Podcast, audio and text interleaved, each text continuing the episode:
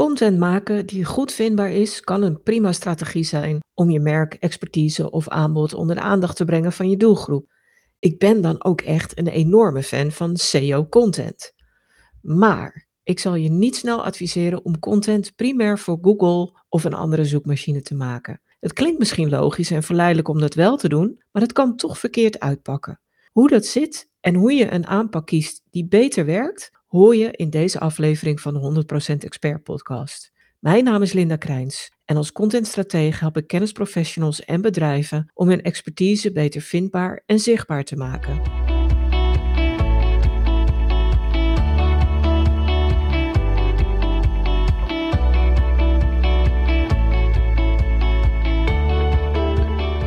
Waarom is het dan niet zo'n goed idee om je content primair voor Google of een andere zoekmachine te maken? Nou, eigenlijk zijn er oude en nieuwe redenen waarom dat niet zo'n goed idee is. De belangrijkste reden is dat het in mijn ogen niet of onvoldoende werkt.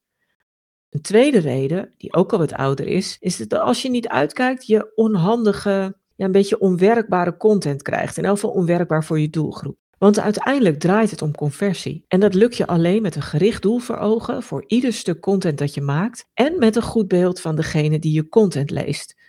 Ja, en dat is dus niet een zoekmachine, dat is iemand uit je doelgroep met eigen behoeftes en wensen. En soms heb jij nog beter in de gaten wat een passend antwoord zou zijn dan die persoon zelf. Dus daar komt iets anders bij kijken. En tenslotte is er een nieuwe reden waarom het niet meer zo'n goed idee is om content primair voor Google te maken. En dat is dat er dingen gaan veranderen dit jaar of het jaar erop. De tijdlijn is niet helemaal duidelijk, maar er gaan dingen veranderen door artificiële intelligentie en door AI-tools die ofwel net geïntroduceerd zijn of de komende weken geïntroduceerd gaan worden. Dus dat is een aantal redenen waarom je op moet passen met het maken van SEO-content die vooral Google en het hoogkomen in een zoekmachine tot doel heeft. En waarom werkt dat nou niet of onvoldoende? Want misschien intrigeerde je dat wel toen ik dat meteen al aan het begin zei. Nou, ik wil je een voorbeeld geven. Je hebt vast pagina's van je website hoog in Google staan, bijvoorbeeld in de top 3. Maar wat leveren die je op?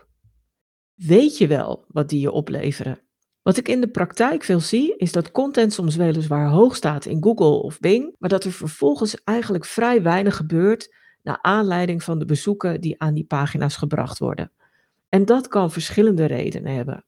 De belangrijkste reden is dat de intentie achter de zoekvraag heel vaak informatief van aard is. Iemand heeft een vraag, jouw site geeft het antwoord, de bezoeker denkt fijn, dankjewel en zoef is weer weg. Leuk voor je naamsbekendheid, denk je. Als ze je tenminste onthouden. Want hoe vaak heb je zelf niet dat je onlangs wel ergens een goed antwoord las, maar waar of bij wie was dat ook alweer? Was dat op social media? Was dat op een website waar je naar gegoogeld had? En welke website was dat dan? Dat mechanisme om je naamsbekendheid te vergroten werkt wel, maar het werkt vooral goed als mensen je vaker gaan vinden als ze informatie zoeken, zodat ze je uiteindelijk wel onthouden. En dat vraagt dus eigenlijk weer om contentclusters meerdere pagina's die meerdere vragen binnen een onderwerp behandelen. Maar als je dan meerdere deelonderwerpen gaat adresseren, zorg dan dat je niet alleen afhankelijk bent van Google, maar dat je een bezoeker die één pagina bezoekt ook laat doorklikken naar de volgende en de volgende en de volgende. Dat betekent dat die pagina's vooral moeten aansluiten bij de vragen en verwachtingen van je bezoeker en dus niet per se geschreven zijn om vindbaar te worden.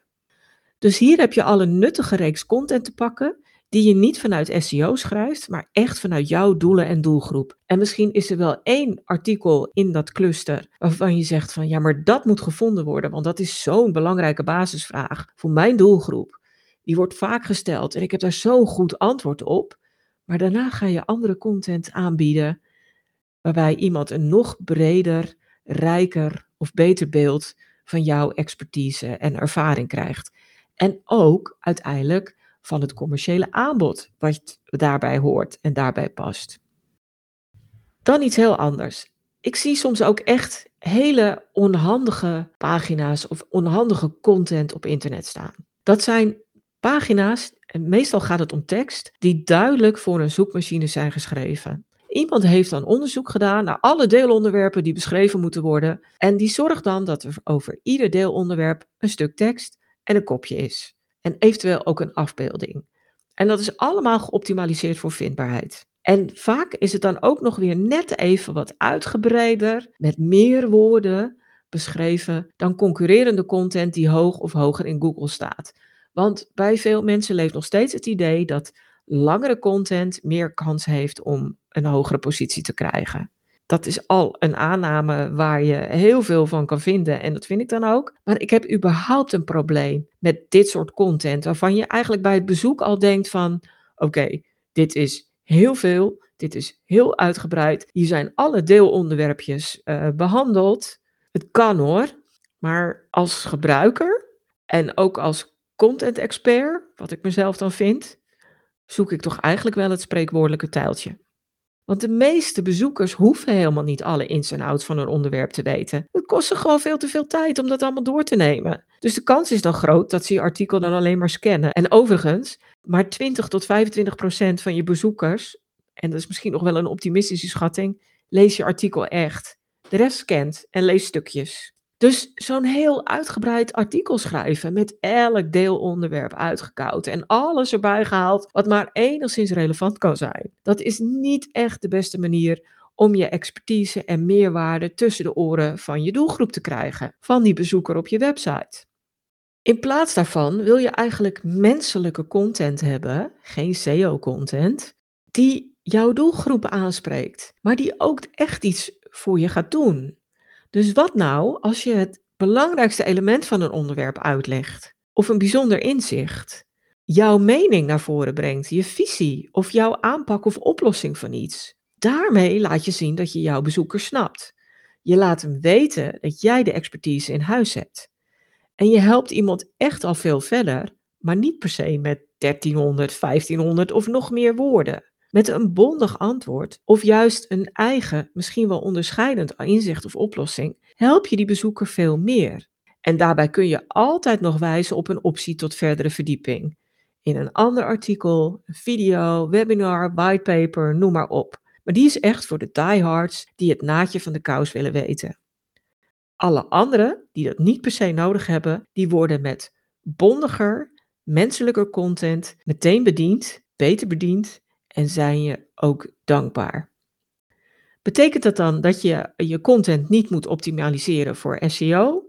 Nee, doe dat zeker wel. Maar schrijf altijd met je doelgroep in je achterhoofd. Bedenk van wat wil die weten? Wil die het snel weten? Of is die op zoek naar verdieping? En kijk hoe die match eruit ziet. En als je dan die content op je website plaatst, optimaliseer dan zeker de on-page SEO-factoren. En daar is er nog wel een andere podcast over die daar nader, nader op ingaat. En ik zal in de show notes ook verwijzen naar een artikel daarover, uh, wat ik daarvoor heb gemaakt. Optimaliseer zeker op die pagina, dus met de titel en kopjes en afbeeldingen en een meta-description, et cetera. Maar ga niet SEO als uitgangspunt nemen.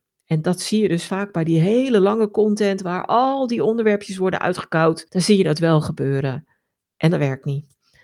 Dus ja, SEO, het is zeker belangrijk, maar zet het op de tweede plaats en zet de mens in je doelgroep op de eerste plaats. Nou, dat zijn wat oudere bestaande redenen en risico's om niet primair voor zoekmachines content te maken. Maar er is nog een risico bijgekomen. En dat zijn wat ik nu de AI-risico's noem. AI staat voor artificiële intelligentie. En die lijken op dit moment de toekomst van SEO-content toch wel te gaan veranderen. En we konden jarenlang bouwen op het feit dat als wij goede en echt helpende content maakten, de zoekmachines wel bezoekers naar die content zouden sturen. Gratis en voor niets. En dat is dan natuurlijk ook een belangrijke basis van content marketing. Maar AI-tools gaan dat veranderen, verwacht ik. Want nu ik dit opneem, in februari 2023, is ChatGPT al een gevleugeld concept geworden. Het is eind november 2022 geïntroduceerd en mensen hebben het echt omarmd. En nee, nog lang niet iedereen, maar een heleboel mensen hebben het wel al uh, van gehoord of bedacht van hé, hey, dat kan interessant zijn. Dus ChatGPT zal heel erg hard gaan groeien. In antwoord daarop heeft Google ondertussen BARD aangekondigd. En die introductie was vorige week daaromtrent. Die ging niet helemaal lekker. En toegegeven ook, zowel ChatGPT, Google Bard, uh, andere AI-tools zijn nog lang niet perfect. En ze zullen dus nog niet meteen de plek innemen die zoekmachines nu hebben, uh, waarbij ze mensen helpen om het antwoord op een vraag te geven. Maar die AI-tools zullen wel echt steeds beter gaan worden. En dat betekent iets voor jouw content, jouw SEO, je plek in de zoekmachines en dus voor jouw marketing. Want die AI-tools, die gebruiken jouw content. Stel, er staat een meestelijk stuk content op je website dat veel bezocht en gelezen wordt. En omdat mensen nu hun vraag in Google intikken, of Bing of ergens anders, en vervolgens een lijstje met websites voorgeschoteld krijgen, waar ze mogelijk het antwoord kunnen vinden. Ik zeg mogelijk, want een website in de zoekresultaten hoeft natuurlijk niet altijd de beste match te zijn qua antwoord.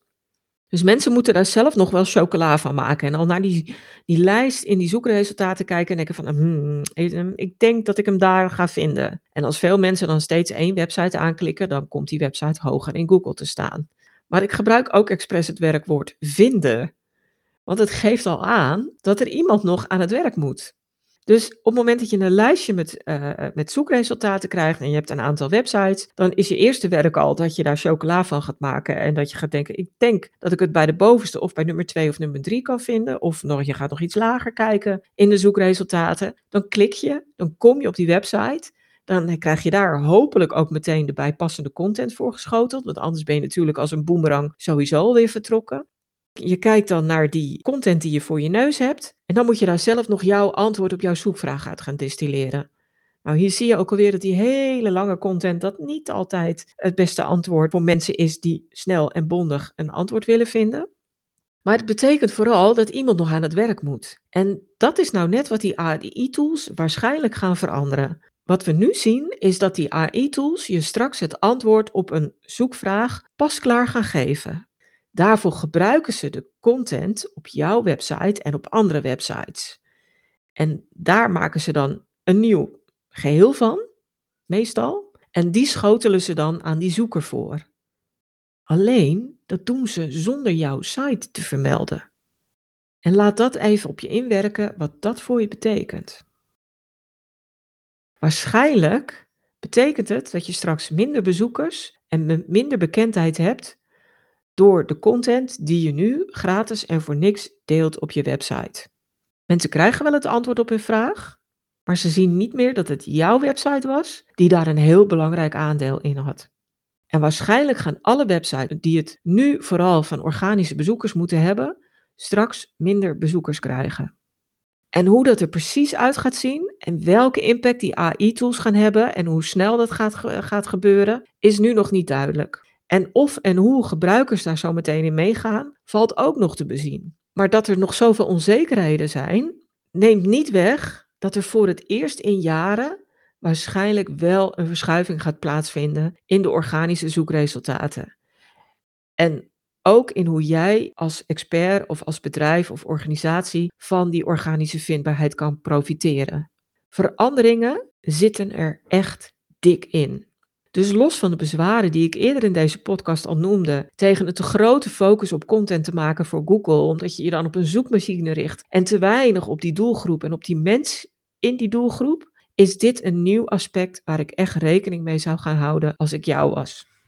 En dat betekent niet dat je nu al meteen je koers moet aanpassen, want er is gewoon nog heel veel onduidelijk. Maar je kunt je wel al enigszins gaan voorbereiden.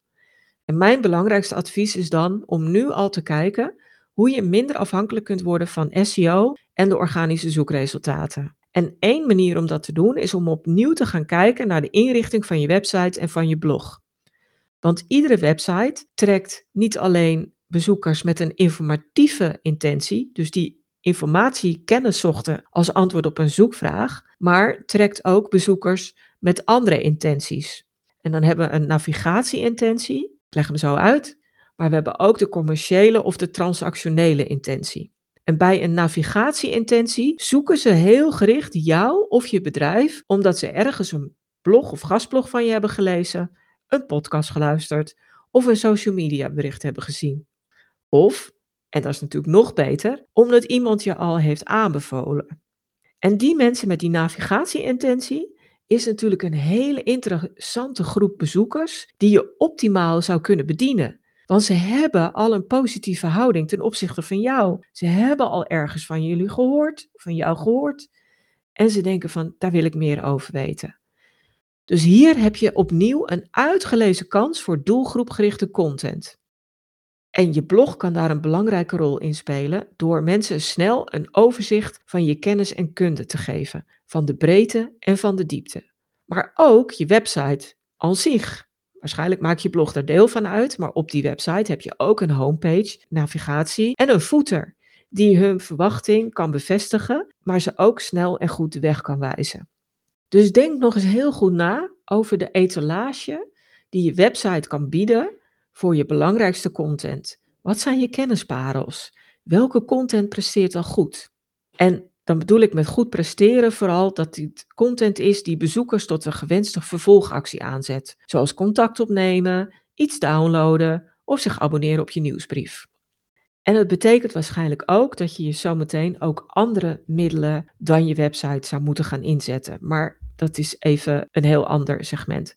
En ik noemde het net al, er zijn nog meer intenties die mensen kunnen hebben naast een informatieve intentie of die navigatie-intentie. Je hebt ook nog de commerciële en de transactionele intentie. En bij een commerciële intentie weet iemand al dat hij iets nodig heeft en die gaat daar gericht naar op zoek. Bijvoorbeeld naar een dienst, software, training, wat dan ook. En soms zijn bezoekers al helemaal transactioneel georiënteerd. Ze weten niet alleen dat ze een bepaalde dienst of training of, of iets nodig hebben, maar ze weten ook al dat ze het bij jouw organisatie kunnen krijgen en misschien bij één of twee anderen. En dan gaan ze al heel direct jouw aanbod met dat van die andere aanbieders of experts vergelijken. Nou, het lastige is dat die commerciële en die, transactionele intentie vaak om lage aantallen zoekers gaat. En dat is vaak de reden geweest waarom een hoop websites, organisaties, experts die nog niet eh, geadresseerd hebben. Ze waren gefocust op, op Google en op vindbaarheid in Google. En dan ben je ook al heel snel geneigd om te kijken naar wat grotere zoekvolumes. Dus wat grotere aantallen mensen die in een bepaalde periode ergens naar zoeken. En dat is heel vaak toch die informatieve intentie. En bij de commerciële, navigatie en transactionele intentie gaat het meestal om lagere aantallen. En dan was het dus vaak niet de eerste content die gemaakt is. Maar het is wel de content die die AI-tools nog niet kunnen leveren. En het is wel content waar je heel veel mee kan bereiken. Dus mijn advies is om je ook voor te bereiden en te bedenken van hoe heb ik die andere zoekvragen geadresseerd? Die zoekvragen die te maken hebben met mensen die al meer over mij of mijn organisatie willen weten. Zoekvragen die al wat meer op het commerciële of het transactionele ingaan. En daar zit ook echt een grote kans. En ja, dan ga je dus weg van het schrijven voor zoekmachines zoals Google, maar ga je toch ook wel meer een andere kant op. Dus al met al denk ik dat het goed is om na te denken hoe je minder afhankelijk kunt worden van die organische zoekresultaten en vindbaarheid, vooral voor die informatieve zoekopdrachten. Door je bij het maken van content minder op SEO en zoekmachines te focussen, maar door nog meer en nog beter je doelgroep aan te spreken en te bedienen. Dat vraagt om menselijke en doelgroepgerichte content, om contentclusters met gerelateerde content en ja, waarschijnlijk ook om andere middelen dan vindbare content op je website. Maar dat is iets voor een andere aflevering. Dankjewel voor het luisteren. Heb je nu een handige tip of inzicht opgedaan, dan wil ik je vragen om een review achter te laten. Of deel de podcast met iemand anders voor wie het interessant is. En wil je meer weten? Op mijn website vind je een gratis kennisbank met checklists, tools, video's en stappenplannen over content, content marketing, maar vooral over het zichtbaar en vindbaar maken van je expertise. En in de Content Academie vind je bovendien tal van online masterclasses en trainingen die je helpen om je expertpositie verder te versterken. Kijk daarvoor eens op stroop.nl en stroop is met dubbel S.